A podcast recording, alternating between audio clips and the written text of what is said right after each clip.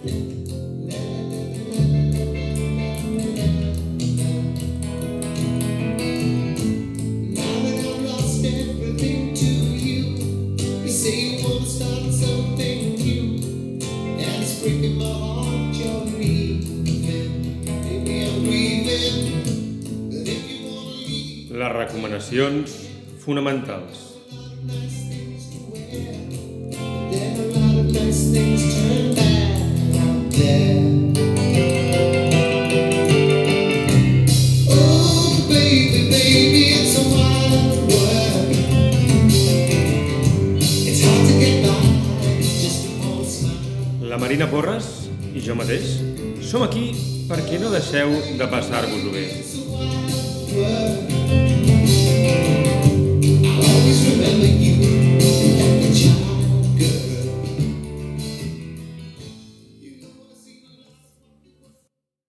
Bona nit, Marina.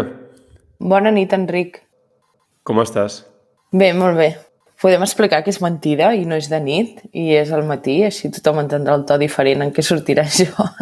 Ho dius pels ulls aquests que tens de, de gripau que acaba de sortir de, de, Sí, de-? De no princesa que ha estat... Que, sí, de princesa que ha estat tocada per la vareta d'una bruixa dolenta. Té ressaca, la Marina. Tinc ressaca, no és la meva hora i res està bé, però són uns dies complicats.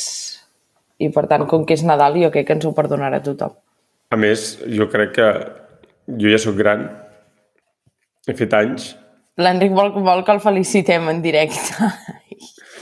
i com que ja tinc una edat, ja tinc l'edat aquella en què el farter va començar a tron- a trontollar, imagineu-vos, doncs, la Marina amb ressaca, amb els ulls... Una cosa, no tens semblen- l'edat que el Ferreter va començar... O sigui, no. És no. trontollar, no, és, és, és suïcidi directament. Suïcidi directament, imagina't. Jo Clar. de moment encara no faig aquesta cara, tant, però ja és una edat en què comences a notar el pes de les coses. En fi, Ara, aquesta, aquesta crisi d'aniversari durarà uns dies. durarà uns dies, durarà uns dies. En realitat no, eh? és tot comèdia. Però crec que m'anava bé per explicar això, que quan el ferreter passa la cinquantena ja la cosa ja comença a Que no passa la malament. cinquantena, que en té 40 llargs, que se suïcida abans de fer 50 anys. Igual que jo. Vale, és veritat. L'Enric conta raro, no passa res. Exacte. A veure, no, ara seriosament. Toca Ferreter per tancar l'any. I ens Exacte. toca, per si algú està seguint amb el pròleg, i a més m'agrada dir-ho perquè així quedarà tot endreçat per la posteritat, toca el capítol 9, que és la pàgina 74 del pròleg, que efectivament és quan tot comença a fer baixada. No sé si valia la pena de fer una mica de balanç de l'any ferreter o tu vols saltar. Ah, vale, no he entès què m'havies dit quan m'havies que, dit. esclar. Crec que vol fer balanç de l'any, tal. Tinc, Ima- realment, no, no estic bé. La neuro... O sigui, en fi, la Marina ara mateix... Pensar que em deies, com una... com que és les últimes recomanacions de l'any o les últimes recomanacions de 2022, que fer com un balanç de les recomanacions em pensava que deies, no de l'any ferreter. Tornem a començar, tornem a començar. Bona nit, Marina. no, vale, balanç de l'any ferreter. Què no, no, vols saber? tornem a començar, tornem a començar, t'ho dic molt en sèrio. Però per què? Si havia quedat bé? Perquè, sí. No, no ha quedat bé.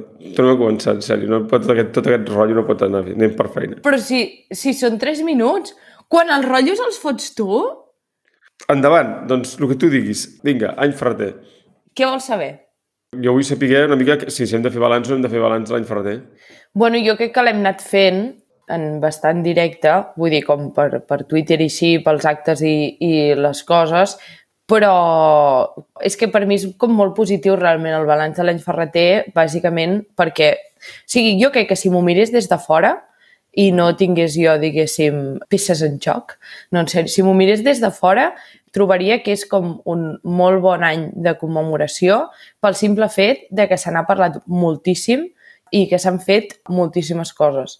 Jo crec que algunes d'interès i valor i algunes no, però tenint en compte que de vegades els centenaris passen sense pena ni glòria i que no tenen cap impacte, doncs jo crec que en aquest cas jo crec que poden estar, saps? Vull dir, Jordi Cornudella pot estar content com a comissari de l'any ferreter, perquè realment jo crec que ha funcionat. I tu estàs contenta? Comencem per aquí. Ah, jo sí, clar. Bueno, vull dir que jo sí, Vull dir que per mi ha estat un, un molt bon any amb Ferreter perquè, bueno, vull dir, perquè ha sortit aquest llibre, perquè he pogut tancar la tesi sobre ell també en aquest any i perquè, i perquè en realitat ho he vist com molt de prop, saps? Vull dir que he fet realment moltes coses sobre això. I creus que Jordi Amat ha guanyat? O està content? Jo crec que Jordi Amat està content. No crec que hagi guanyat, però crec que està content. Jo crec que està content perquè és el rei dels cucs. Tit, tit, tit. Llavors és com que ha flotat entre, entre la merda, merescudament a més. Tu saps que aquest tros pot anar a YouTube No, o directament? sigui, jo t'agrairia que no, sincerament. No, és que trobo que avui anem molt descordats, eh? És a dir, normalment em sento molt ben conduït per tu en aquest programa i avui em sento ben bé com un, cavall, com un carro d'aquells de cavalls desbocats que van pel camí i no saps quan cauran pel barranc. O sigui, molt bé. No, però és veritat que Jordi Amat val a dir que jo vaig ser jo el primer que va dir que Jordi Amat els enterraria tots, que al Sí. final seria el millor de tots. I és, és veritat que aquest any es pot tancar de la següent manera. Jordi Cornudella està content, la Marina està contenta i el Jordi Amat està content. La Marina ha guanyat, el Jordi Cornudella, Cornudella hem, ha empatat perquè va jugar, diguem, a les dues bandes i el Jordi Amat um, està content perquè és el rei dels cucs. És així? Eh, sí, sí, sí, ho podem resumir així. I a més a més jo crec que també ha donat marge com a, com a molta gent per fer moltes coses. Mm. És a dir, que és un centenari que també ha obert com molt... O sigui, primer jo estic contenta en sèrio perquè realment, o sigui, s'ha parlat molt de Ferreter i no s'ha quedat amb la cosa que la Bela explica molt bé en aquell article de centenari de poeta, saps? O sigui, centenaris que només serveixen com per afiançar el cliché de, de les figures, en plan, per com remenar sobre la mateixa merda, i en canvi en Ferreter s'han fet moltes coses com sobre la seva poesia i està bé, però clar, també sobre la seva figura, que jo crec que, que encara ha estat millor, perquè els poetes sempre estaran a temps de, de treballar el seu ferreter, diguéssim. I en canvi, uh Mhm. -huh. com aquesta cosa de- d'obrir-lo més, doncs ha estat bé, jo crec. A mi m'ha recordat una mica l'any pla. L'efecte que l'any pla va tenir en mi, que va ser bàsicament de descobrir-me pla, posar-me les coses fàcils perquè pogués entrar en pla. Jo crec que aquest any Ferreter ha fet una mica mateix amb el, amb el Ferreter. Que és a dir, posar-lo sobre la taula d'una manera que qualsevol que ara hi vulgui accedir ho té molt més fàcil, perquè té, Mm. d'una banda, moltes dades disponibles i, a més, té totes les discussions que estaven soterrades, les té posades sobre la taula. És veritat que en el cas del Pla les, les discussions no es van posar sobre la taula d'aquesta manera tan, tan evident quan es va celebrar l'any l'any l'any Bueno, Pla, que i això que devia era ser una cosa més l'any monumental. 90... Sí, però vull dir que va ser l'any 98 i jo no vaig... El llibre fins al 2008 no el vaig fer, però jo sí que recordo que ja, del, o sigui, que ja venia... O sigui, ja es van publicar tota una sèrie de llibres, es va començar, diguem, a, a inflar el seu 97, mite entenc, no? O 97, és igual. Però vull dir que va ser quan, quan jo, no sé si havia entrat a periodisme o, o estava a punt d'entrar, va ser per aquelles èpoques. I a mi em va Mm. arribar el ressò de l'any Pla, o sigui, el, el llibre aquell de Valentí Puig, l'home de l'abric, alguna cosa del, del Xavier Pla, alguna cosa, no ho sé, del Xavier Febrés, gent que van escrivint coses.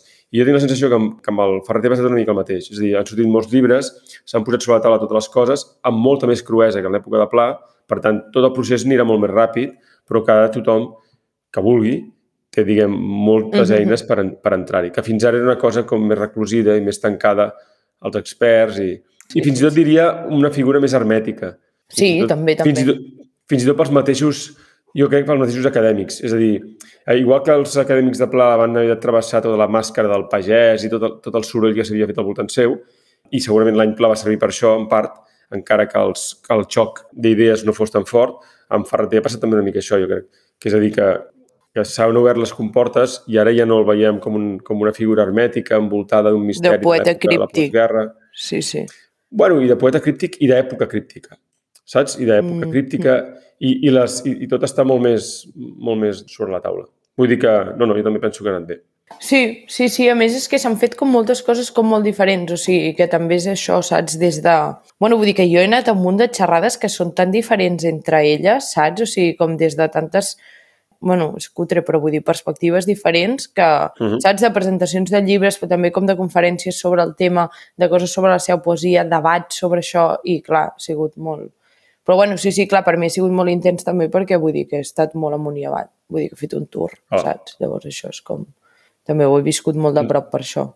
En tot aquest moviment, per això no t'has llegit l'últim llibre que s'ha dit sobre Ferreter, no? No, no encara, de l'Ibáñez Fanés. Que aquest és el, Sí, el sí. llibre que s'ha tret per desempatar. clar, no, no farà l'efecte, suposo, perquè no tindrà, saps? Vull dir que jo crec que és d'aquests llibres, saps aquests llibres que quan, just quan surten tenen totes les ressenyes que han de tenir? Que és en Mhm. plan, pum, pum! Llavors és com de dir, eh, vale, és un llibre que, sa- que saps que estava com pensat perquè es fes això, però llavors després què? Si és primer llibre o la ressenya, no? Vols dir? Sí, sí, sí, saps? I llavors jo me'l llegiré i ja, i ja en parlarem, però sí, ja ho mirarem, ja ho mirarem.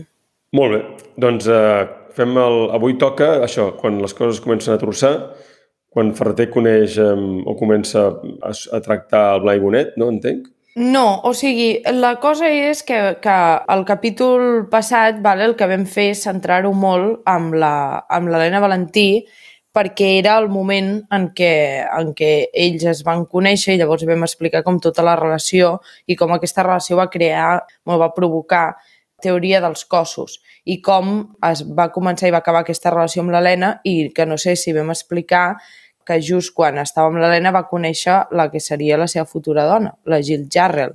Sí, crec que ho vam explicar, però no vam explicar res més. És veritat, ens l'estàvem deixant.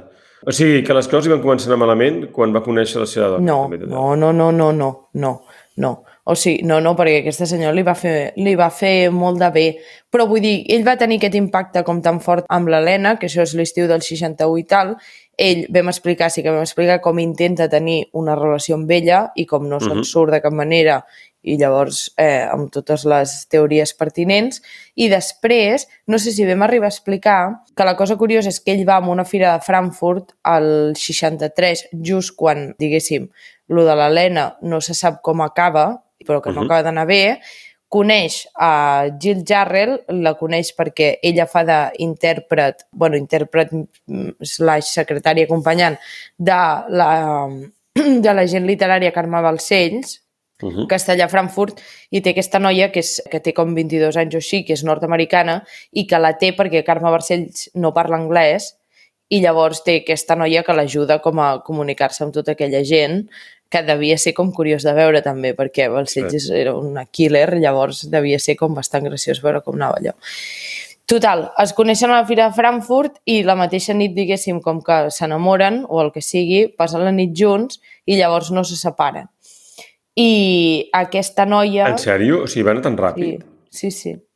Aquesta O sigui, que va noia... ser com un amor a primera vista molt fort, però que en canvi no va tenir l'element, no va tenir la força poètica que va tenir l'Helena Valentí. Ah, exacte, sí, sí. O sigui, es van Però conèixer... això per van- què? És perquè el Ferreter havia baixat molt el llistó o què? No, perquè aquesta noia no és gens de, de baixar el llistó. Aquesta noia eh, escrivia poesia, aquesta noia com dibuixava o em sembla que pintava o no sé què, i aquesta noia era com super... O sigui, estava molt ben educada, o sigui, com una tia professional, diguéssim, de 20 i pocs anys, però com prou madura i llesta com per treballar allà a la Fira de Frankfurt B. El seu pare tenia una... O sigui, tenia una feina a Madrid, llavors ells, ells estaven a Madrid, els seus pares, entre Madrid i Estats Units. Llavors ella, quan va conèixer Ferreter, van passar la nit junts, es van com a enamorar molt, però després, això era l'octubre, llavors aquell Nadal ella va tornar, va estar a Madrid perquè els seus pares estaven allà. I llavors Ferreter va fer com l'intent de veure-la i no sé què perquè volia com no deixar passar temps perquè no refredés la cosa Mhm. i llavors es van veure i es van casar l'any següent, saps? Fa gràcia, eh, la pressa del Ferreter per tenir una companyia femenina. O sigui, com, un punt com de desesperació com per Sí, trobar una clar. mena de... Clar, de companyia. Eh, és curiós. Bueno, vull dir, per no estar sol. Sí, sí. Eh, sí, sí. Sí. Vull dir que és ben bé això de, que, de no estar... O sigui, és aquesta frase que, que dius que, que obre el, el, el llibre del Blai Bonet, aquesta de les, de les finestres, que m'ha fet bastanta gràcia. Home, és que és molt bona, eh? És que Blai Bonet es nota que és Sí. poeta. Diu aquí... Pasternak. On de... Bueno, és una cita de Pasternak que ell fa servir per, per Mister Evasió, que diu aquí on de vegades obrir la finestra és com obrir-se les venes.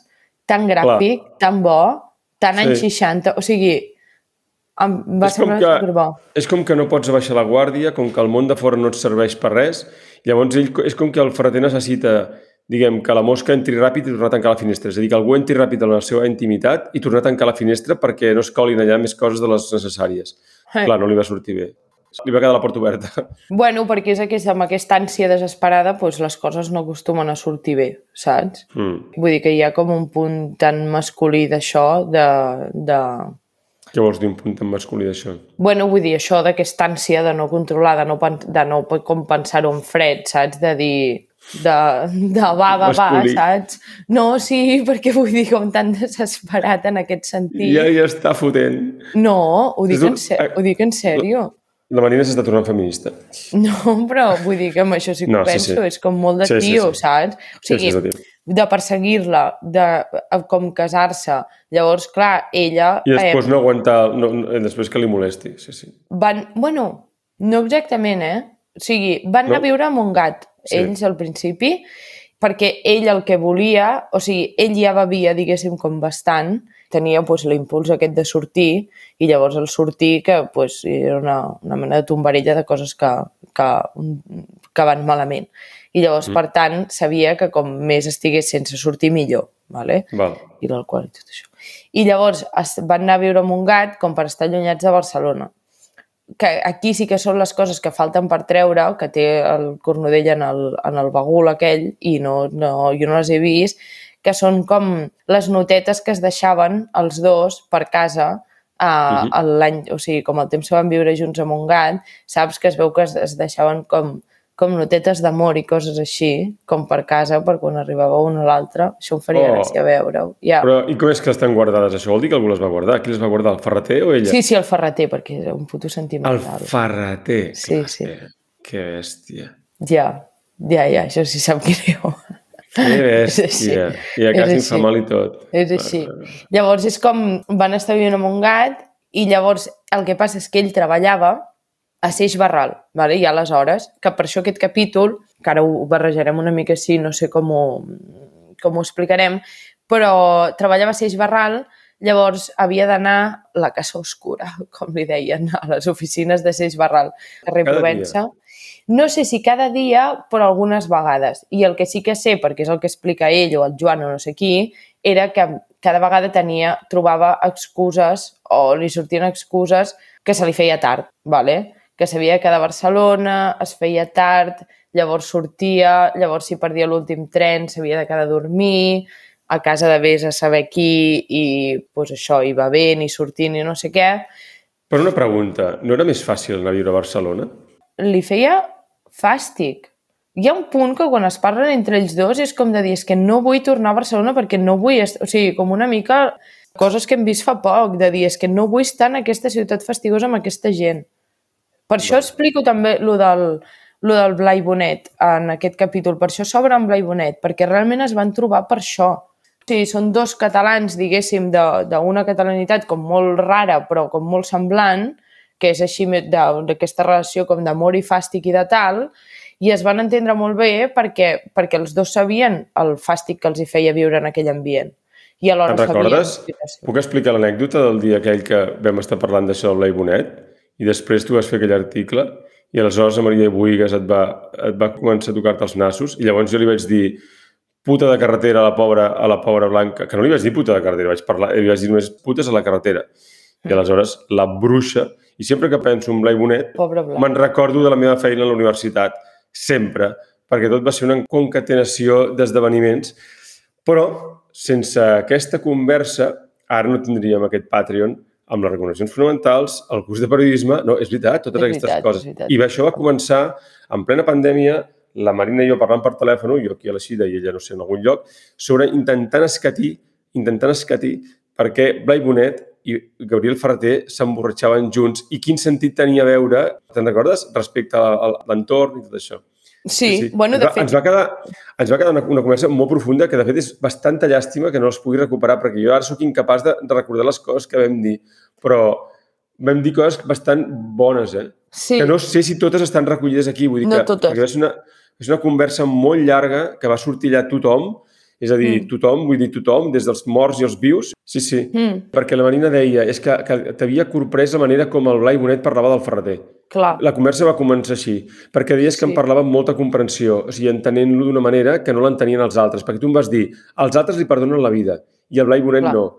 I jo vaig dir, clar, bueno, la típica frase típica que vaig perquè, clar, és català, no, però vull dir, a partir Sí. d'aquí Bueno, però vam és que quan... una tesi. O sigui, quan Blai Bonet, bueno, això que diu, o sigui, diu que Barça... a Mister Evasió diu que Barcelona és una catacumba d'homes a mig fer i a tot catalana.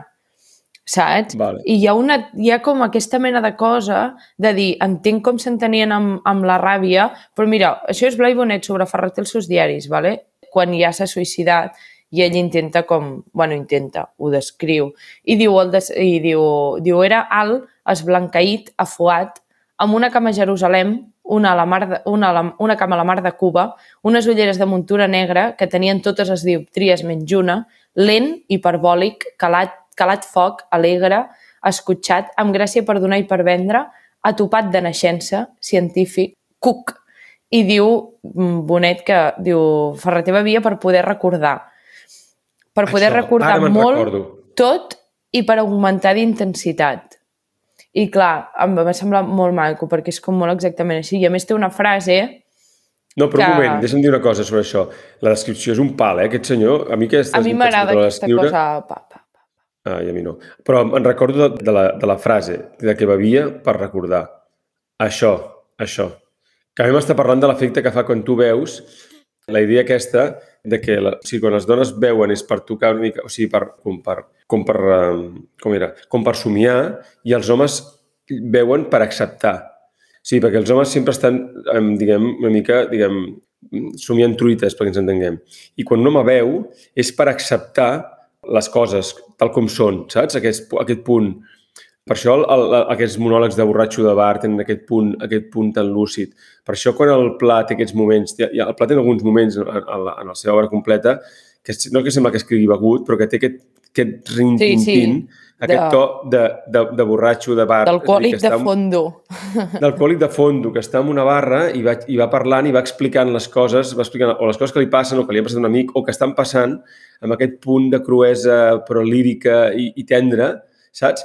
I perquè és aquesta cosa, l'home veu per no enfadar-se amb el món. Saps què vull dir-te? Dir, Sí, per, per... és, a veure, també hi, ha, també hi ha senyors que els hi passa, eh? El que passa és Bueno, que és veritat. Però vull dir que sí, o sigui, molt, és molta més tendència que els senyors veguin i es tornin com agres, això, o sigui, d'aquesta cosa... Bueno, agres o, lús, o Sí, sí, sí, lúcids. entenc, eh? La, les dones és més per deixar-se anar, perquè les dones, jo crec que són tan realistes que quan veuen, aleshores és quan poden aixecar-se una mica de terra, o sigui, somiar una mica, no molt potser si vols, però lo suficient com per deixar-se anar. Però els homes no és per deixar-se anar, és per, és per diguem, per, per acceptar, perquè la fúria no se'ls emporti. És com per absorbir tot el que... I per això em va fer molta, molta gràcia aquesta frase de que, de que Ferreter vivia per recordar, perquè llavors vam començar a parlar de totes les humiliacions petites, és a dir, de, Mm de, de tot el sistema d'humiliacions que era el, el franquisme, que és a dir, molt intens, i de com, clar, podies fer dues coses. Una, o fer veure que no passava res i acabar oblidant, posar-ho en el soterrani i llavors et quedaves mig home, o si no, clar, com que, com que percebre-ho tot, intel·lectualitzar-ho i absorbir-ho i acceptar-ho demana una velocitat mental molt gran, o sigui, demana una, una gran capacitat intel·lectual i un cor molt gros, perquè, perquè ho has de comprendre i comprendre i has de posar el cap, però també el cor. A comprendre és l'amor. I aleshores, aquesta dificultat de filtrar-ho tot, de filtrar les petites putades que et van fent, la relació Mhm. amb els amics, que ja hem explicat una mica del Ferreter, que sempre eren amb inferioritat de condicions, no? tot el Barral, el Gil de Viedma... Bueno, però ara ho explicarem, eh? Ah, vale, que O sigui, la, que hem la Marina posa aquesta cara... part. Sí, però- de, però- de, de, no. de ja n'hi ha prou. Sí, ja està. Fins... No t'enrotllis. No, però jo crec que tenia... Bueno, doncs jo crec que, que era important d'explicar-ho, això. No, Perquè que això sí, que sí, vull dir que sí. No, perquè quan el, quan el, quan el, el Jordi Mat es diu vèncer la por, Uh -huh. hi ha un punt que ell no sé si ho sap, jo no sé si ho sap, jo crec que no, que el vèncer la por en realitat és la por que fa obrir les finestres aquestes de les que parla el, el Blai Bonet, Uh -huh. deixar entrar tot el que estàs veient, tot el que estàs veient, deixar-ho entrar tot, i aleshores amb això fer alguna cosa. Això és el que fa por. Saps què vull dir-te? Sí, Sí, ell no el ho diu cap- perquè no té cap, vull dir, perquè no té No. cap mena de, de pensament ni interès, eh? Vull dir que la Ni frase és... consciència. ni No, no, perquè, clar, clar. Perquè, Vull dir que la frase és, a més, és del Joan, vull dir que no, ja ho hem explicat, però no té cap sentit. Sí, sí, ho vam explicar, però vull dir que no sé si... Però hi ha, hi ha un tema de consciència, és a dir, la, la, la, la idea aquesta de que, el, de que el franquisme és... és que és, aquesta frase del, del Bonet és molt bona, de, de que és un assetjament i jo crec que tal com hem estat explicant el Ferreter, la idea aquesta de que és un home com assatjat, Uh -huh. m'explico? Sí, sí, Em, sí, sí. I, i, i, i el, el sentiment del Blai Bonet és molt el mateix. O sigui, que s'entenien però és molt el mateix. O sigui, que estan amenaçats amb el mateix. Després són diferents maneres de reaccionar, però que els dos estan... O sigui, que entenien la realitat igual. I Blai Bonet em sembla una figura important perquè no n'hi ha tants que entenguessin la realitat igual saps? Tots els espanyols d'allà no entenien la realitat igual i ell, que és un mallorquí eh, pues, putejat i boig, doncs és, és, saps, es podien entendre molt bé i llavors em sembla com molt curiós.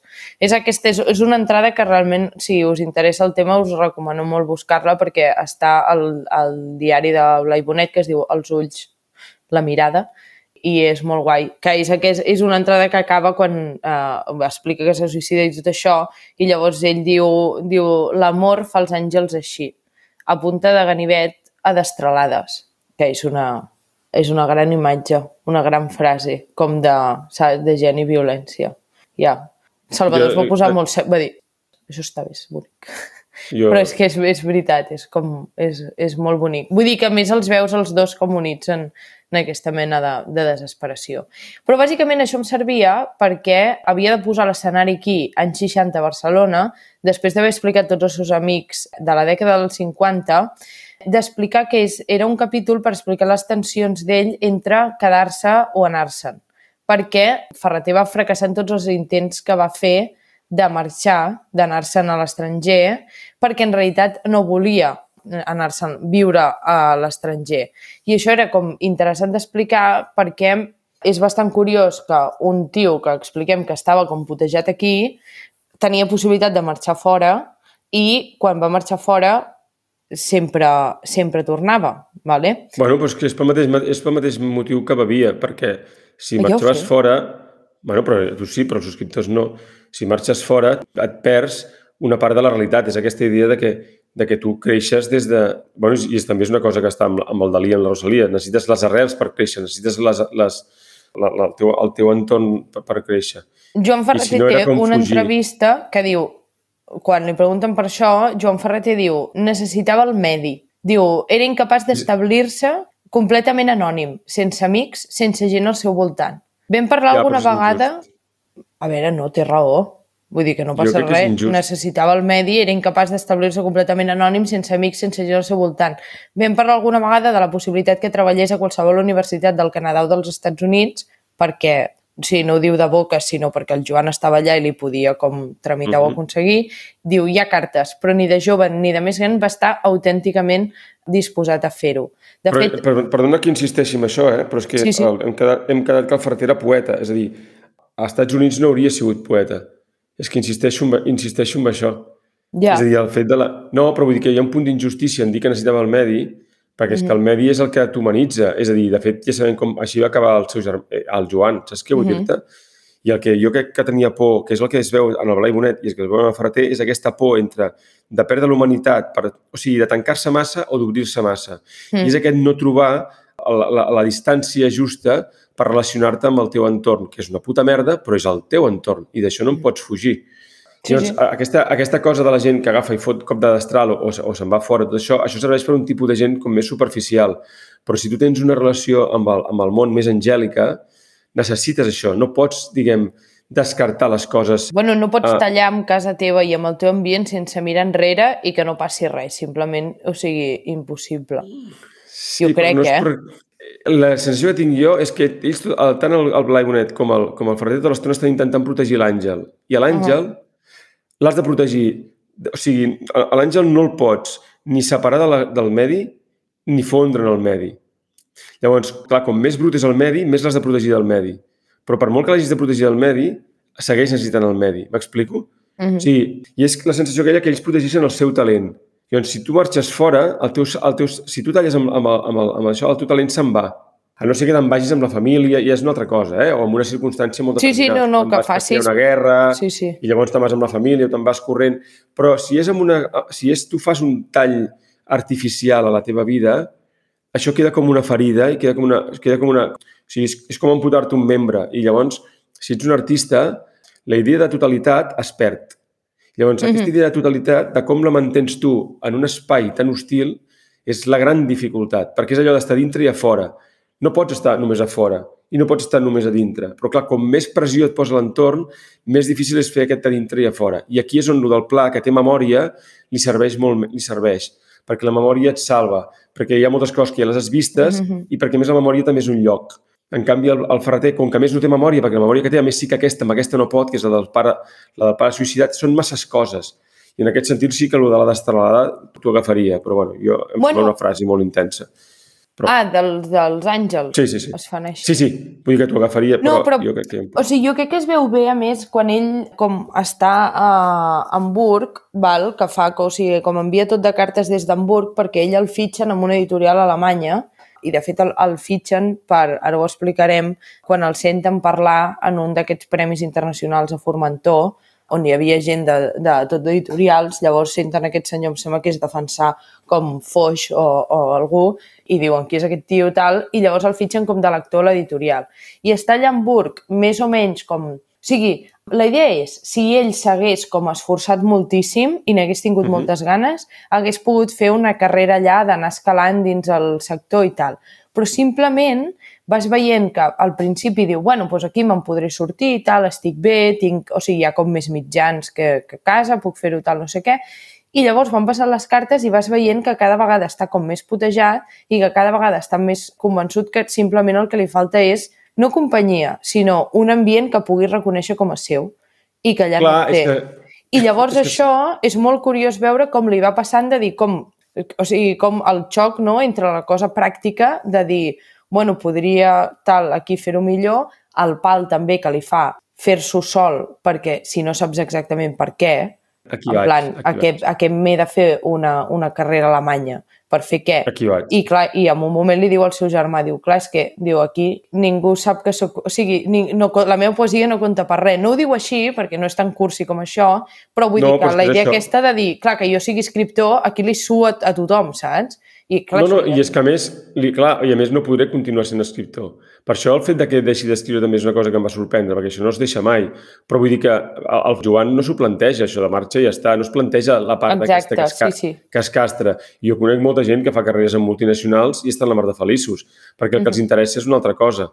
Però si ets escriptor, si, si t'interessa la transcendència i les coses que duren, clar, no pots fer una cosa que duri amb una multinacional purament es- escalant. Amb una literatura que, més, en aquell moment està enterrada perquè l'idioma està prohibit. Que I està clar, encara- i el, que, i, el que, i el que passa amb tot això és que el problema és que quan intenta fer el mateix a casa seva, que No hi ha és... espai.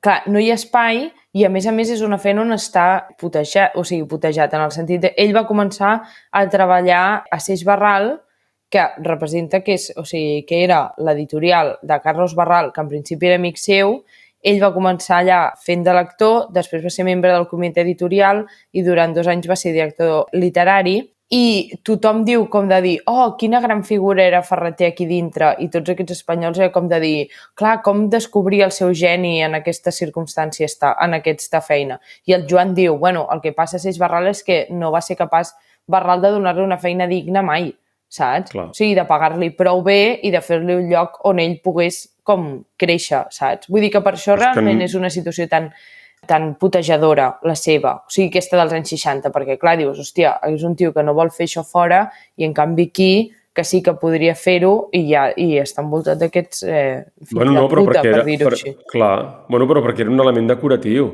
Jo, jo crec que ara, amb tot això de Vichy, es veu molt bé. O sigui, el paper decoratiu que es vol donar a les coses. És a dir, quan, quan el tema polític falla, sempre aquí el que s'intenta és que la cosa catalana sigui una cosa com decorativa, com de vernís. Allò, allò que ja està fet els agrada molt sempre, però és una vegada ja està fet. Aleshores, serveix doncs, per, per, per, per decorar la casa. I allò que no està fet serveix per fer el pallasso, però no serveix per res més. I en aquest sentit, per això et deia que, per això dic això de- d'absorbir tota la ira i d'acceptar amb tendresa tot això, perquè clar, aquest tio, cada, cada pas devia ser una humiliació en el Clar, sentit clar. de que tots estaven en, en, en avantatge respecte a ell i a sobre li perdonaven la vida i a sobre ell no podia, no, no podia protestar perquè per protestar havies de fer un assaig. És que per protestar havies de fer un puto assaig, o sigui, havies de fer bueno, els assajos aquests que va fer de, d'això de, del Maragall i de perquè el, el pla no sé què, d'això de la relació entre l'escriptor i el poder, tampoc No, és cap i que, casualitat. i que intentava com fer, o sigui, i Però que no és cap casualitat eh, que el Ferreter veiés això de la relació entre el poder no, i no. l'escriptor. No, ai, no. Perquè, Sí, sí. clar, perquè s'ho va, va trobar. A mi va ser una de les coses de que des de fora, o sigui, com abans de fer llibre i tot això, o sigui, fent la recerca amb la, amb la imatge més clixé de Ferreter, és una de les coses que més em va costar de veure, perquè la cosa seva del món editorial, o sigui, de que ell estava allà a Seix Barral tal, el clixé era, era un tio molt brillant, però que no tenia sentit pràctic i que, per tant, no es podia treballar bé i que, per tant, feia grans shows, però, o sigui, com donant de menys la seva feina perquè, mm. clar, perquè també és veritat que això sí que hi ha una altra cosa, que és la part de, desastrosa de Ferreter amb aquestes coses, de dir, sí, era un tio molt poc pràctic, sí, tothom tenia problemes amb ell amb els terminis d'entrega de les coses, saps què et vull dir? Mm -hmm. Vull dir que això sí que... Sí, però això també... No, no, jo tot això ja, ja entenc, eh? Vull dir que Ferreter segurament que no... Vull dir que com tots tenia els seus defectes i tal, però que també sí, com que estem establint una mena de relació entre, entre la figura i l'entorn, jo insistiria, és a dir, ja en coneixem uns quants d'amics que els hi costa, diguem, tenir motivacions, perquè quan, quan l'entorn no et torna les coses, te'n podria dir uns quants, eh? Ja, ja, ja, ja, ja, ja. Quan l'entorn no, torna, no, torna cap, no torna les coses, a l'esforç que tu fas, hi ha molta gent que es desmotiva. És a dir, has de tenir ja. una, una fortalesa interna molt forta que moltes vegades no és una cosa que depengui de tu, que ha vingut donada per la família, per, per elements que, que no pots controlar. Sí, sí, sí. I és en aquest sentit. I, I aquesta idea de que no era pràctic fa bastanta gràcia, eh? Sí, sí, és la cosa aquesta del cliché aquest de mal, o sigui, bueno, de mal treballador, entén-me, saps? O sigui, com d'aquesta cosa de, sí, de poc pràctic, de, de complir els terminis, de no sé què, però, però bàsicament, clar, això també passa perquè, perquè el que ha transcendit són, i això també em va servir molt per, per escriure això, són les anècdotes de tots aquests que expliquen, o sigui, els pocs testimonis, diguéssim, de coses de Ferreter del seu temps, és doncs, eh, Barral explicant els premis aquests, com la manera com Ferreter estava en els premis aquests que organitzaven com un cop l'any, el, el Premi Internacional de, de literatura que anaven cada any com en una mena d'hotel i s'estaven allà tres dies deliberant com per prestigiar com un escriptor internacional i llavors li donaven un, un premi. I la cosa de Castellet sobre, uh, sobre quan ell estava allà també, amb aquests mateixos saraus, saps? I llavors aquestes dues anècdotes que em van anar molt bé perquè realment és com... Bueno, vull dir que es veu molt bé el clixé, doncs que t'ho diré. O sigui, mira, o sigui, per exemple, un que, que ho diu molt bé és, és Jaime Salinas, perquè Jaime Salinas, uh -huh. que estava com allà, que ell explicava que quan va fundar, Jaime Salinas va sortir de Seix Barral per fundar uh, Aliança i uh, explica les seves memòries, que em van ser tan útils a mi, que el, que va, el Gabriel Ferreter el va ajudar moltíssim quan havia de fer una col·lecció nova i que era un tio que realment que se'n va donar allà de lo molt que en sabia i com lo eficient que era el ferreter contra tot el, el cliché general. Fet diu, Gabriel estuvo muy bien como solo puede estarlo él cuando quiere. Los consejos, sus acuerdos y sus desacuerdos los formuló con seriedad, con mucho sentido práctico y sin caer en pedanterías o sentir la necesidad de brillar gratuitamente. És a dir, que li va, el va ajudar. Però la cosa aquesta és eh, Barral descrivint Ferreter a les jornades aquestes de Formentor, eh? Això és de, uh -huh. de les seves memòries de Barral, lògicament. Diu, las alborotadas secretarias entraban y salían de nuevo sin llamar para dar noticia de una conversación banal con alguien de París o de Hamburgo y de pronto Gabriel Ferraté, tirando del brazo de su hermano, que estaba de paso o de un ignorado poeta melillense, entraba y acampaba, por así decirlo, en las sillas frente a la mesa para contar una vez más, y a propósito de nada, el qué, es que se la literatura de aquel día particular y concreto. Aquest és el to... ah! Aquest és el to de, de les memòries de, de, de Barral. Vale? Però clar, aquesta gent anava a fer pues, això, a escriure literalment alborotades secretàries i llavors Ferreter, que tenia tot d'editors internacionals allà, aprofitava, o sigui, per exemple, l'any que, que Seix Barral volia defensar Yukio Mishima, uh, l'escriptor japonès, pel uh -huh. premi, doncs ell va fer una defensa, va presentar Pla com a candidat i va fer una defensa vale. de Pla i de per què s'havia de premiar. I en un, altre, en un altre any, en plan, va decidir que volia premiar Foix i llavors és com va començar a explicar que és aquí on, on llegeixo Castellet. Eh? Diu, calia veure l'apassionament d'en Gabriel, la, la seva gesticulació i la seguretat de les seves afirmacions. En un francès correctíssim, però difícilment intel·ligible a causa de la seva veu farfallosa, del caqueig i dels sons que matia quan dubtava d'algun mot o intentava de precisar el seu pensament, va fer la millor defensa de Foix que mai he sentit o llegit. El desconcert de la concurrència era absolut. Ni sabien de qui parlava ni qui era aquell extravagant personatge que desenvolupava, amb arguments brillantíssims, gesticulació desmesurada i fonia aberrant l'elogi del desconegut. Tanmateix, en acabar la sessió, tothom se'ns acostà per preguntar qui era el poeta ignot, si els drets de traducció eren lliures, si creiem realment que es tractava d'una primera figura de relleu internacional, etc. Però Saps què em recorda? Em recorda aquella entrevista del Pla al, al seleccionador que diu ¿Cómo ve la- el futuro del catalán? I el Pla li diu, bueno, usted ya sabe cuál es la situación. És que realment tot Però plegat també és, és ens preguntaven qui era el mateix Ferreter. No calgué explicar-ho massa. Al llarg d'aquells dies, en Gabriel va ser la revelació del simposi. Amb un got de ginebra a la mà, passava les nits de grup en grup parlant de literatura, d'autors i d'obres, amb més coneixement que ningú i amb idees totalment personals. Però tu veus la, tu veus la barreja de... Idees totalment veus- personals, que és com de dir, ets imbècil? Però, digues, digues. No, no, la barreja de, de... Tu veus la barreja que hi ha d'elements? Ei, De, de perdona vides i de- i d'exaltació? Josep Maria És dir, Castellet és, sí, sí. Bueno, amb el Barral igual, tots igual, eh? Hi ha un punt que és tot agafant-ho tot pels cabells, eh? No, No. toquen mai la, la idea, la, la cosa... La Evidentment. Però és que per això costa tant central. d'explicar aquestes coses. O sigui, per això és Cosa... I una... tot ho agafen una... per les anècdotes i les, i les combinen d'una manera que sempre és un tio molt brillant i alhora, però és, home, Un desastre. tenia aquests defectes, un desastre. Un desastre. Ah, llavors, escolta, i dius... Acabo, eh, perquè val la pena. Com que més del català, el castellà i el francès parlava millor o pitjor l'anglès, l'italià i l'alemany, l'idioma no era cap barrera per integrar-se a, un o a un o altre grup. No cal dir que, més, tirava cap a casa, és a dir, no pas pels candidats de la seva delegació, sinó pels propis. I més d'un guanyador del premi, sense que ho hagi sabut mai, li deu segurament el guardó. En Gabriel es divertia. Ell, que no era en la seva vida quotidiana gaire pràctic ni eficaç, allí es movia amb una habilitat, una diplomàcia i una rendibilitat de cara als seus interessos absolutament precisa. I clar, o sigui, perquè us feu una idea, estimats oients de les recomanacions, de, clar, de la merda que és com escarbar això, saps? Perquè és aquesta cosa d'aquest to de llepa fastigós i a l'hora de perdonar vides, que realment és com un menyspreu molt difícil de discernir fins que no l'acabes d'entendre. Perquè Sí, ja perquè veus a que més hi ha no alguna és- és... raro, Sí, i perquè més ni tan sols és personal.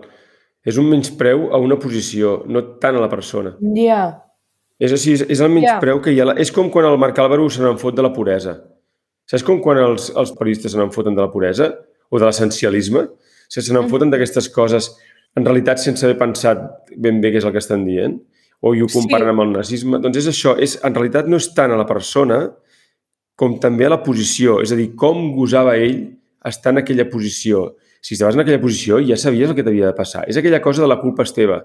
sí, És una cosa molt... sí, sí. I de, i de, i de no afront... Per això et dic, vull dir que si el Ferreter estava intentant defensar el Pla i el Foix, devia ser alguna cosa de la, relacionada amb la política devia haver-hi aquí. Alguna idea de la literatura i de com s'havia de fer una editorial a Catalunya devia tenir aquest senyor. Si no li va donar feina mai al Barral, seriosa i no li va pagar mai, segurament devia ser perquè tampoc no li podia pagar mai, no li podia pagar ni li podia donar aquesta feina, perquè aquesta feina remunerada i, per tant, que el posava en valor davant de la societat, hauria tingut unes repercussions polítiques. M'explico què vull dir o no? Bueno, Perquè és si que el senyor- problema és que ell, fins i tot un tio com Ferreter, es va enfadar per política arran d'aquests premis. O sigui, Clar, amb el Gombrowicz.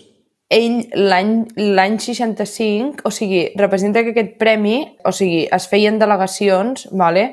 bueno, o sigui, és que ho vaig, ho, ho vaig explicar. O sigui, cada editor nomenava un jurat d'escriptors vinculats a l'editorial i cada delegació només podia fer un vot, vale? Com que cada editor era d'un país diferent, evidentment la cosa es feia política com rapidíssimament i cada país, més o menys, inevitablement es comprava cap a casa, vale? Cap als seus. Llavors, clar, cap als seus interessos geopolítics. Castellet diu, diu, clar, diu, a Sis Barral, diu, s'havia de combinar, diu, la literatura catalana, i diu Castellet, que només defensava el Gabriel, sí, que està explícitament dit aquí, amb l'espanyola i amb la sud-americana, vale? Exacte. Llavors, clar, cada any en, el, en els jurats convidats de l'editorial, en el cas de Seix Barral, clar, doncs, hi havia una barreja de sud-americans i d'espanyols. Eh, hi va anar gent com hi va anar Octavio Paz, hi va anar el Max Aup, l'Anna Maria Matute o Mario Vargas Llosa, que va ser amb qui es va enfadar Ferreter l'any 65 perquè un dels candidats era Gombrowicz i uh, Vargas Llosa volia que guanyés un brasileny que és Joao Guimarães Rosa, vale? i llavors Ferreter uh, es va emborratxar la nit abans de les votacions, no va arribar a les votacions i Vargas Llosa va aprofitar per votar el, el seu candidat i es veu que va ser un drama molt gros perquè Ferreter es va enfadar moltíssim i, de fet, va dir, amb aquella frase grandíssima que li diu a Castellet, amb aquesta trepa de sub subdesenvolupats sud-americans i espanyols no es pot anar al lloc. Ho he explicat diverses vegades, però ho tornaré a explicar. Eh? Vull dir que el Gombrowicz és el tio que l'Àlex Susana em va recomanar de llegir quan, vaig, quan va llegir el meu pla i que és un dels tios que amb més em va marcar per escriure a Londres Plus Barcelona i els dietaris aquells no me'ls he mai més del cap. I és un senyor que, bàsicament, la cosa que més a mi em va ensenyar és que jo no m'havia de reduir a ser català, perquè o sigui, ni havia de prescindir de ser català. I aquesta idea tan tonta, que en realitat és molt important, eh, uh -huh. jo la vaig aprendre de, de, del Gombrowicz. I l'obsessió del Gombrowicz, bàsicament, és fer madurar Polònia. Té aquella frase fantàstica que diu després de fer la guerra contra Rússia i Alemanya, haurem de fer la guerra contra, contra, contra Polònia per fer-la créixer. És a dir, tot el seu dietari està travessat per aquesta idea de que, de que Polònia és un país de pianistes i de poetes i de, de, de bocamolls. Vull dir que, clar, que el Ferreter volgués premiar aquest senyor a l'any 60 i pico i el Vargas Llosa estigués amb la cosa dels sud-americans, vull dir que... Es van escriure, prou... bueno, també ho hem explicat, vull dir que es van escriure en Ferreter, Ferreter van a veure Gombrowicz, saps? Uh -huh. el va traduir... Per això, per això. Sí, sí. Per això sí, dic. sí. De fet, i aquesta, o sigui, aquesta discussió va provocar que ell va dimitir... O sigui, quan va passar això, Ferreter va dimitir del jurat amb aquella carta tan bona que li va enviar a Carlos Barral sí que puc llegir perfectament. Sí, perquè, llegir. Perquè, més, és que s'entenen com moltes coses i, i tancarà el que hem explicat. Diu, estimat Carles, en vista que he descobert una incompatibilitat del tot inconciliable entre certes concepcions de la literatura que podríem dir-ne sud-americana i la concepció meva, renuncio a les meves funcions com a membre del jurat del Prix Internacional de Literatura. No m'és possible, dins una simple carta, de precisar perfectament el que vull dir. Apuntaré només que tota forma de nacionalisme em sembla un fenomen molt perillós de compassió d'un mateix i de compensació d'aquesta compassió. I que no vull mirar de massa, i no vull mirar de massa a prop coses d'aquestes. Que és el seu problema, perquè igualment uh -huh. pringues igual. En un, en un New Yorker que he rebut avui hi ha un ninot d'unes rates que abandonen un vaixell i d'una rata que s'hi queda i que diu jo puc ser una rata, però un desertor no ho seré mai. Bé, a mi em sembla que el seny ordena, tant als homes com a les rates, d'abandonar els vaixells podrits. I les rates i els homes que no els abandonen és perquè es compadeixen de ser rates individuals o de ser homes individuals. Com a català que sóc, m'he passat la vida abandonant estúpides barquetes de nacionalisme on m'exhortaven a aferrar-me. No veig cap raó per concedir a la compassió d'ells mateixos que puguin tenir els altres més drets que no he concedit a la meva. Trameto una còpia d'aquesta carta a tots els membres del jurat d'enguany. Tela, eh? Per això està parlant de seu pare, eh? La rata que es queda dintre del vaixell que s'enfonsa i jo no penso desertar, és que, clar, és el seu pare tractant amb els anarquistes, en el fons, que vull dir, en tota la cosa aquesta de la guerra i tot això, eh? No, no. Dir, el seu pare veient que les coses no anirien bé i seguint riqui, que riqui, que riqui. I no, li, si no li van perdonar mai. No, no, o sigui, no, no, no li van perdonar mai ni ho van saber però, explicar. Però el més gros no és això. El més gros és que això ho haguem hagut d'explicar quan ja ha passat el procés. És a dir, que això ho haguem hagut d'explicar quan després que jo, o sigui, hagi vist els meus pares yeah. xupant-se tot el procés, jo dient-los això, i ells, no, però aquí ens hem de quedar perquè això, bueno, ja, ja trobaran, o sigui, després de 40 anys de fer això, de quedar-se les rates al vaixell perquè no som uns desertors, perquè som catalans. I per això dic que és tan important això que he dit del Gombrowicz, perquè és una tonteria, però a mi algú no. m'ho havia d'ensenyar això, i no m'ho va ensenyar Ferreter, m'ho va ensenyar Gombrowicz, i és més, com que em va ensenyar això Gombrowicz, després, quan la Marina un dia va parlar d'això, a mi se'm va encendre de seguir la llum, perquè, perquè és una cosa que... Però ti, eh? Àlex Susana, jo, tu... És a dir, el que costa... I després tu fent la tesi... És a dir, el que costa entendre les coses. Per això la cultura és important, perquè tens que tenir moltes converses, han de, la, la pilota té que rebotar a molts llocs perquè vagis lligant els caps. Però el que és molt gros és que això que acabes de dir ara, que és, en el fons, és, no és que sigui nou, però en realitat sí, mai ho havies dit tan bé, és a dir, saps què vull dir-te? Bueno, potser sí, però jo ara ha quedat com molt rodó. No, no se m'havia acudit de dir que això ara ho estiguis dient ara, a l'any 22, després que jo m'he passat tota la vida veient com les rates es quedaven al vaixell dient Ai, ai, ai. jo no sóc un desertor. No, però és que, no sé, vull dir, potser tu ja ho havies pensat, però jo no ho havia pensat i la conversa aquesta la vam tenir el 2000, què, 16, la primera vegada, sobre Gombrowicz i no sé què? No sé quan aquell, de quan és aquell article. Ara suposo, eh? No me boig. Això és de fa dos anys. La del Gombrowicz, 2017. És d'abans o just després de l'1 d'octubre, tens raó, potser sí. Mm. Que sí, eh? Eh, que després, bueno, sí, 2000, sí. Però, bueno, 2018. 2018, és igual. Però Mhm. segueixen el mateix. El que vull dir-te és que aquesta idea tan senzilla de dir, Ferreter, li retreia això al seu pare i per això vam donar aquest premi. Estic, estic simplificant, ja ho sé, eh? però aquesta idea tan senzilla No, de que, però- però de que sí, no li van perdonar un- al pare que es quedés, Sí, sí. És a, que a, em aquest tòpic, però aquest tòpic, posat en circulació fa 15 anys, imagina't la feina que podria Ja. haver fet. Ja. Que en realitat Ja, ja. no deixa de ser el mateix que la veritat no necessita màrtirs de Sí, llibre sí. de companys, que, que és aquella frase del, del Pujols. Vull dir, el que vull dir és això que et dic, el com costa amassar, fer una, una cultura que funcioni, m'entens? I que, el que ens ha costat Bueno, és que a més, i a, més per, i a més perquè realment això és molt embolicat. Vull dir, perquè clar, no hi ha cap manera d'entendre la carta aquesta si no s'entén tot això. Ah, Exacte. Tu està explicant un tio que és un fill de puta que li vol mal. És com molt embolicat. Ell, que mai es va atrevir a dir-ho. És com de dir, fes aquesta carta en sèrio. Mm. Fes, és que, tio, tu haguessis emportat tot per davant. És que- saps? no, no, és que és totalment, molt és- desesperant, perquè és com de Sí, dir, sí. bueno, doncs en comptes de fer això, si no veus que hi ha això, és molt fort veure això, Sí. Di- digue-ho. O sigui, que Digue-ho, és com sí, aquesta sí. cosa de dir de la responsabilitat. A més, clar, vull dir, mira't, fixa't si és carós el panorama que ell va estar un any sense parlar Vargas Llosa, però com que era tan pesat ell, després el va perdonar.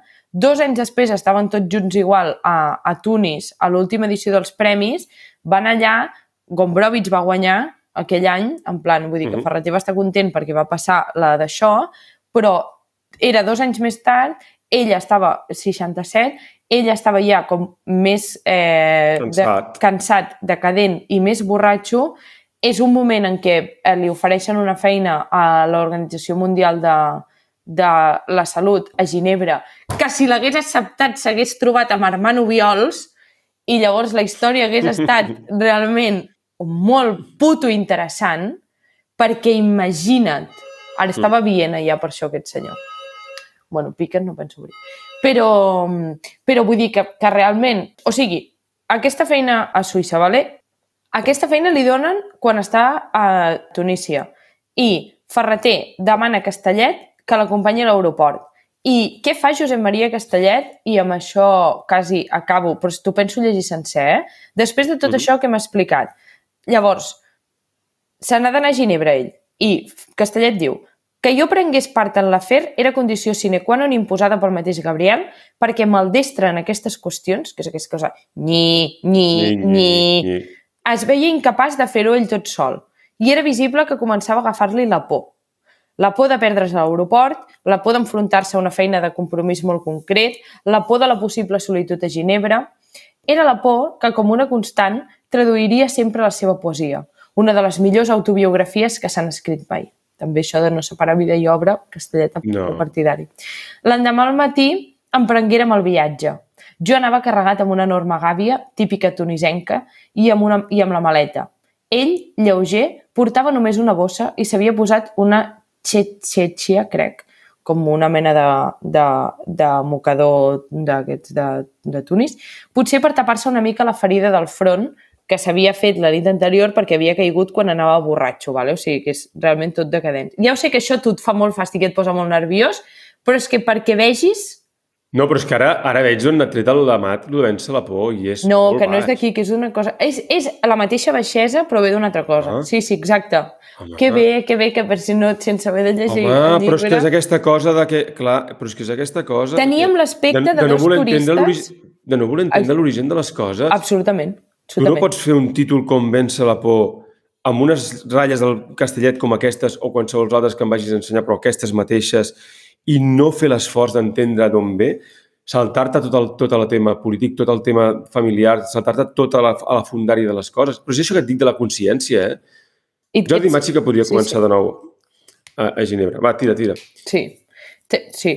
Teníem l'aspecte de dos turistes tornant de vacances. A l'avió, en Gabriel va començar a veure i a parlar-me de la mandra que li feien a Ginebra, que amb les crostes de la ferida li feia, feia fàstic i no li voldrien firmar el contracte. Que les traduccions tècniques l'emprenyaven i li feien perdre el temps. Jo pensava que un cop embarcat a l'avió, arribat a Ginebra i instal·lat per, per en Costa Freda, que, que estava a Suïssa, li passarien els nervis i la por i acabaria fent la feina i guanyant-se els diners que eren l'objecte de l'aventura. D'altra banda, si havia pogut viure en un, un temps a Hamburg, també podia passar dos o tres mesos a Ginebra. Malauradament, durant el viatge, en Gabriel va continuar bevent i a l'arribada a Roma, com que estava mig adormit, el vaig haver d'arrossegar amb les maletes i la gàbia cap al taulell de trànsits. Li vaig prendre el bitllet i vaig explicar a l'empleada el que volíem. No hi havia cap problema. Només calia calcular la diferència de preu i al cap d'un parell d'hores sortiria un avió cap a Ginebra. En aquell moment, però, en Gabriel, que escoltava atentament, arrabassar el bitllet i fugir passadís enllà. Quan el vaig atrapar, vaig veure que no hi havia res a fer. Havia pres la decisió de no anar a Ginebra, de deixar perdre el contracte i de tornar a Barcelona. Punt. Era la por, el pànic. Punt. Vam tenir una discussió purament formal i vam esperar la sortida de l'avió a Barcelona.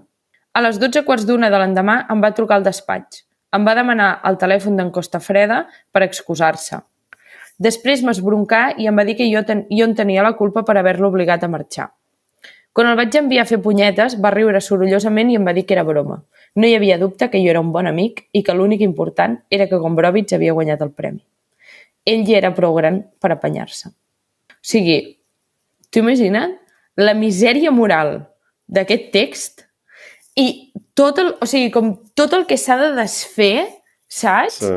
Per treure de dir, bueno, què és només com això, misèria moral, què és de veritat en això, o sigui, com es relaciona tot. Clar, és una puta merda. No, no, a, a, mi, a mi el que em fascina és això, eh? que tens, o sigui, que no utilitzin les grans figures per entendre la història i, i que no utilitzin les grans figures per entendre les persones. M'explico que vull o no? Però és és a dir, que... que- a mi que el Castellet, que el Castellet tingués aquesta misèria moral ho puc entendre perquè és fill d'aquella època i si va sobreviure aquella època, tot allò, jo, jo ja entenc que tota aquella època funcionava d'aquesta manera. I és per això que en el fons el Ferrer no se'n podia sortir, perquè és com una gran taranyina. M'explico que vull dir o no? Sí. Tu entres en, una, en, un- en un sistema de, de petites humiliacions i de, i de, i de, bueno, això, i de rendicions, bueno, que, que, vull dir que ja és un, un món de derrotats i, per tant, vull dir que ja, ja entenc que t'has de moure d'aquesta manera. Però ara han passat 50 anys. 50. És a dir, la gent que està llegint avui Ferreter, el mateix Jordi Amat, no ha viscut el franquisme. Ja, però és Jo que li no surt entenc- molt compte explicar-ho així. No, no, jo, jo, et puc, jo et dic una cosa. El motiu pel qual jo menyspreava la cultura és justament per això. Perquè veia que la gent que llegia i que, bueno, que sortia a la tele i explicava coses aquestes, es fixava en detalls absurds, o sigui, que no hi havia... Quan vaig Ja. entendre que la història, o sigui, que les, que les persones, que les, que les figures et servien per entendre la història i que la història et servia per entendre les persones i que entendre les persones et servia per viure, però és una cosa que haver d'entendre jo solet, això es, es va obrir tot un món. I això, ja et dic, i té molt a veure el, el, el Luján, i té molt a veure el Pla, i té molt a veure els sostres, és a dir, però es va obrir tot un... I, i llavors vaig entendre per què l'altre, o sigui, per què, jo, per què jo volia fer periodisme, però alhora no, no havia llegit mai res. M'explico què vull dir o no? Sí, sí. Perquè realment era, per llegir això i fer un llibre que segueixi la mateixa merda, no val la pena.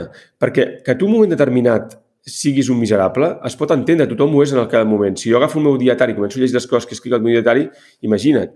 Però jo no sóc el meu dietari. El dietari són moments. Són el que jo he escrit en, aquella, en aquell moment. Clar, és molt gros que el, que el, que el castellet escrivis això, ho convertís en llibre, eh? Però és, aquesta idea... Home, és aquesta No, no, no, no. de posar-se com a mil homes. No, de... Però, però, però, Marina, però, Marina, però, Marina, si tu agafes... És que això, si tu agafes la cultura catalana l'any 20 i 30 i veus amb el que es va convertir l'any 60, Ja. o sigui, si tu agafes llibres de l'Estanislau Torres, de, de gent que, que, que havia viscut la guerra i que després estaven publicant llibres als anys 60 i 70, és a dir, és una cosa molt trista, molt trista. Els Miravilles, tots, tot, és una cosa molt trista. N'hi ha molt pocs que aguantin el d'això. Per això el del pla té tant de mèrit, en el fons. Però jo tot això, mira, però el que no en puc entendre, en És sèrio, eh, és el del, lo del Jordi Mat, i no puc entendre naturalment el dels crítics, eh? El de tots els crítics. Ah, no, no aquesta cosa de dir abonem-nos No, en aquest... perquè sigui, Vèncer la por és, una, és un títol que té tanta força i que és una idea que és tan grossa amb una situació que més té tanta èpica, perquè estem parlant, perdó, eh, de l'ocupació o sigui, de l'ocupació nazi-feixista més llarga de la història d'Europa, perquè no són els nazis quatre anys a París, que ja dona per molt, sinó a Barcelona durant, durant quasi 40 anys. O sigui, de no intentar treure d'aquí alguna cosa realment humana, alguna cosa realment tangible, útil, realista, que et serveixi per viure, que et serveixi per entendre Sí, sí. que et serveixi per entendre les persones, i que no es tracta de jutjar ningú, sinó... No, no, o sigui, que així. est- estan morts, i, i és igual que els diguis. És que... No ho és fan com- per això, no ho fan per això. És una... És, és, és que és pura misèria, és pura misèria de tràfic, de tràfic de... És que de- em recorda allò que em de- deien, que jo sempre els deia, però tu creus que jo per 50 euros Clar, no escriuré el que em peta? O sigui, quan escrivia al món i en aquests llocs, en aquests digitals, diu, tu penses que jo per 50 euros bruts no escriuré el que em peta? Però ets boig? No, però és que ets incap... O sigui, és això, és aquesta cosa que jo no entenc. O sigui, la, la capacitat aquesta de traficar amb les misèries de la gent, o sigui, sí, sí, aquesta cosa de, de no Però que costa pujar-ho. molt, es... però que costa molt escriure, eh? O sigui, Ja. fer l'esforç. Per ells, de no, traf- ja, però és això que em va dir la Mat, eh, de dir, jo m'ho passo, passo de puta mare. Pues que, és que, Val, val, és la, sí, sí. Vull dir que és com la correlació d'això, clar, perquè vull Ja, dir, si ja, no ja, costa, ja, ja. perquè realment tu veus això i si t'ho prens en sèrio i si, i si, Però si vol- si vol que i si t'im- puta i si no t'importa cosa, pues fa com molt vertigen i molta impressió, perquè penses, uai, és una cosa molt sèria això, ja ho veus. I si no ho tractes com una cosa molt sèria, pues, pues no es pot fer. Ja, però vull dir que nosaltres també ens ho passem de puta mare, no sé com dir-te-ho. Sí, però no té cap- escrivint, o sigui, però és feina. Sigui, tu passes de Bueno, puta clar, mare amb sí, altres sí. coses, però això costa de fer, saps? Sí, no, però bueno, però, ja és que, però és que per això et dic és que és una idea de passar-s'ho de puta mare. és molt cutre, sí, clar, clar, sí, sí. sí. Clar, clar. Sí. Bueno, bueno, no, deixem-ho aquí. Espero que s'hagi entès. Perquè Jo crec realment- que sí. Que, Però, però vull deixar ja això claríssim, eh? La carta del ferreter del New Yorker, jo com a mínim l'havia llegit dos o tres vegades. O sigui, una vegada, me- la, la Marina ja me l'havia explicat, jo l'havia llegit, o sigui que com a mínim dues vegades. Aquesta és la tercera.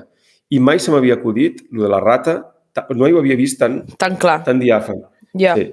És una... Les coses costen. Sí, les coses costen. Les coses costen. Molt bé, Molt bé, ho deixem aquí. molt maco el nostre últim recomanacions de l'any. Ara vaig, Bon any, estimat, Tenia... bon any, estimat subscriptor. Bon any, bon any. Vaig, me'n vaig, que m'està esperant el, el pobre Golat. La Marina ja li ha passat la ressaca, ja fa més bona cara. Més o menys. Um, Més o Bueno. menys. Eh, ens veiem aviat. bon any, Marina. Bon any, bon any, Marina. bon any, bon any, bon any, estimat.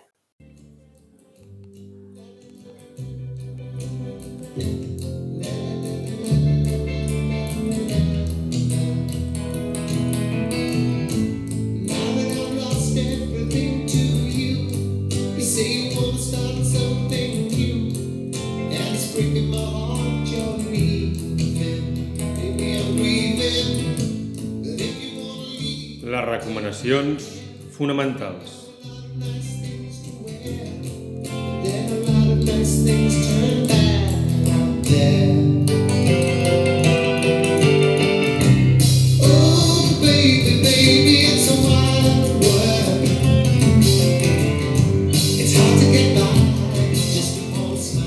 La Marina Porres i jo mateix som aquí perquè no deixeu de passar-vos-ho bé. World.